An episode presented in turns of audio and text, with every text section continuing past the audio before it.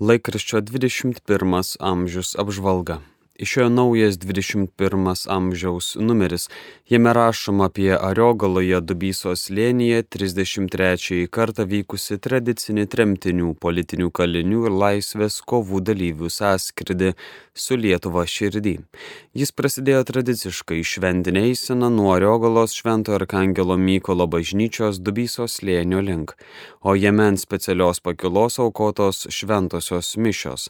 Joms vadovavo kardinolas Sigitas Tamkevičius, o homiliją sakė Kauno arkiviskupijos auxiliaras vyskupas Saulis Bužauskas. Pasak vyskupo Sauliaus Bužausko gaila, kad nors ir žinome, jog nuo mūsų pačių priklauso, kaip mes su tėvynė elgiamės, ar panaudojame ją geram, ar bandome ją išmėginti, tarsi būtume nutolę nuo Dievo artimo meilės, laisvės dovana dažnai netinkamai panaudojame.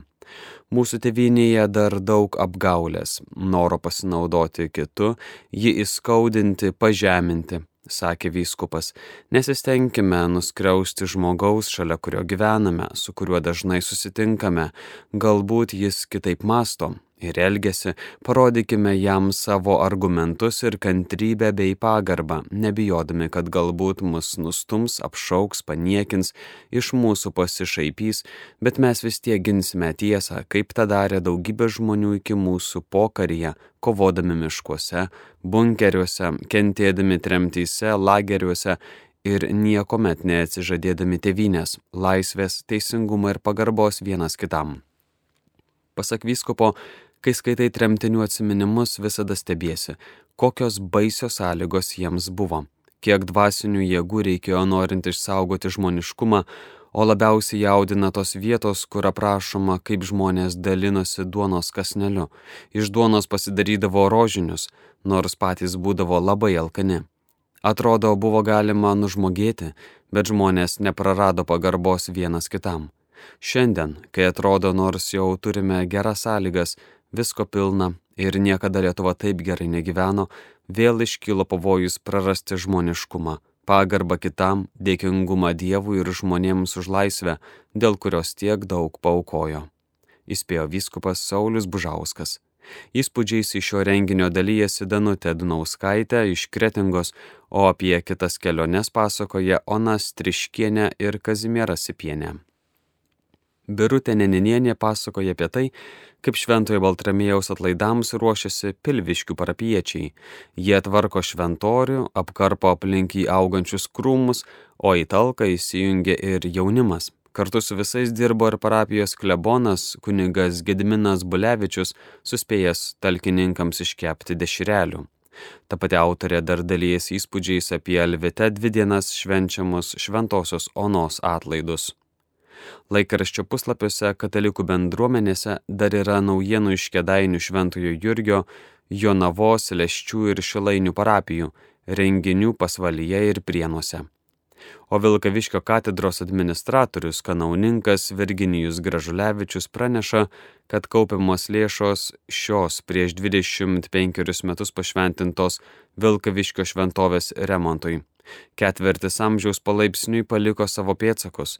Baltutėlės kaip gulbės plunksna sienos patamsėjo, vietomis atsirado įtrūkimų. Lietinguoju periodu po spalvingųjų vitražų langais pradėjo sunktis vanduo.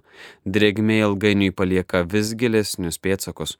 Kunigas jau konsultavosi su specialistais, šie paskaičiavo ir painformavo, kad katedros remonto darbai atseitų per 200 tūkstančių eurų. Didžioji dalis, daugiau nei 100 tūkstančių eurų, reikalingas sienoms tvarkyti, atitinkamai paruošti ir perdažyti. Antra tiek prireiks langams sandarinti. Svarstum atnaujinti ir katedros išorę, tačiau šis darbas nukeliamas tolimesniai ateičiai. Išėjo ir laikraštis katalikas, jame irgi rasime naujienų iš kelių parapijų. Lėno bažnyčioje pirmasis šventasis mišes aukojo išvakarėse kunigų išventintas Vilius Valionis, plokščiuose vykusiuose porciunkulės atlaiduose šventosiuose mišiuose gėdojo, o po jų sakralinės muzikos koncertą surengė Domeikavos bažnyčioje gėdantys Jūratė Balčiūnenė ir Mindaugas Gedraitis. Kiekviename katalikė spausdinamuose pamokslėliuose apie išpažinti kunigas Jonas Paliukas šį kartą rašo apie vyrų išpažinti.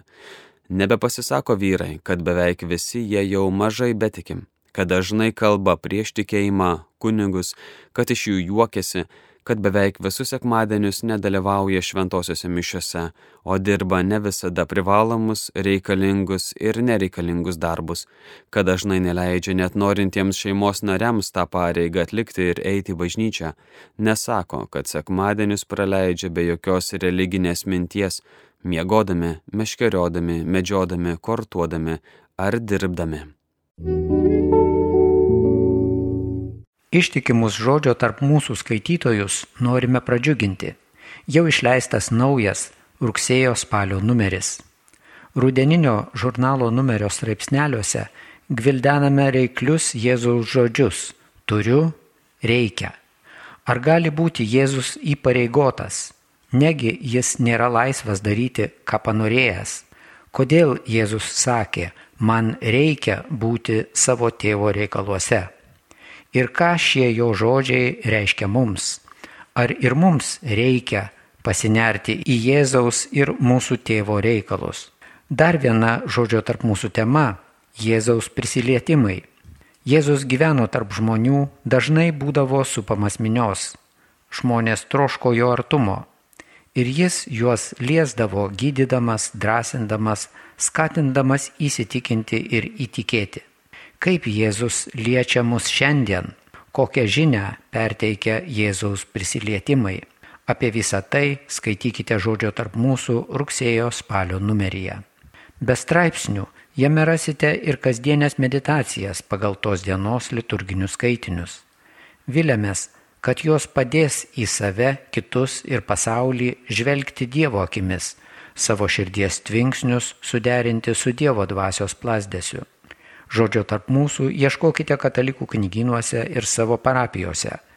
Paraginkime Dievo žodį skaityti bei jį apmastyti ir savo draugus ar kaimynus.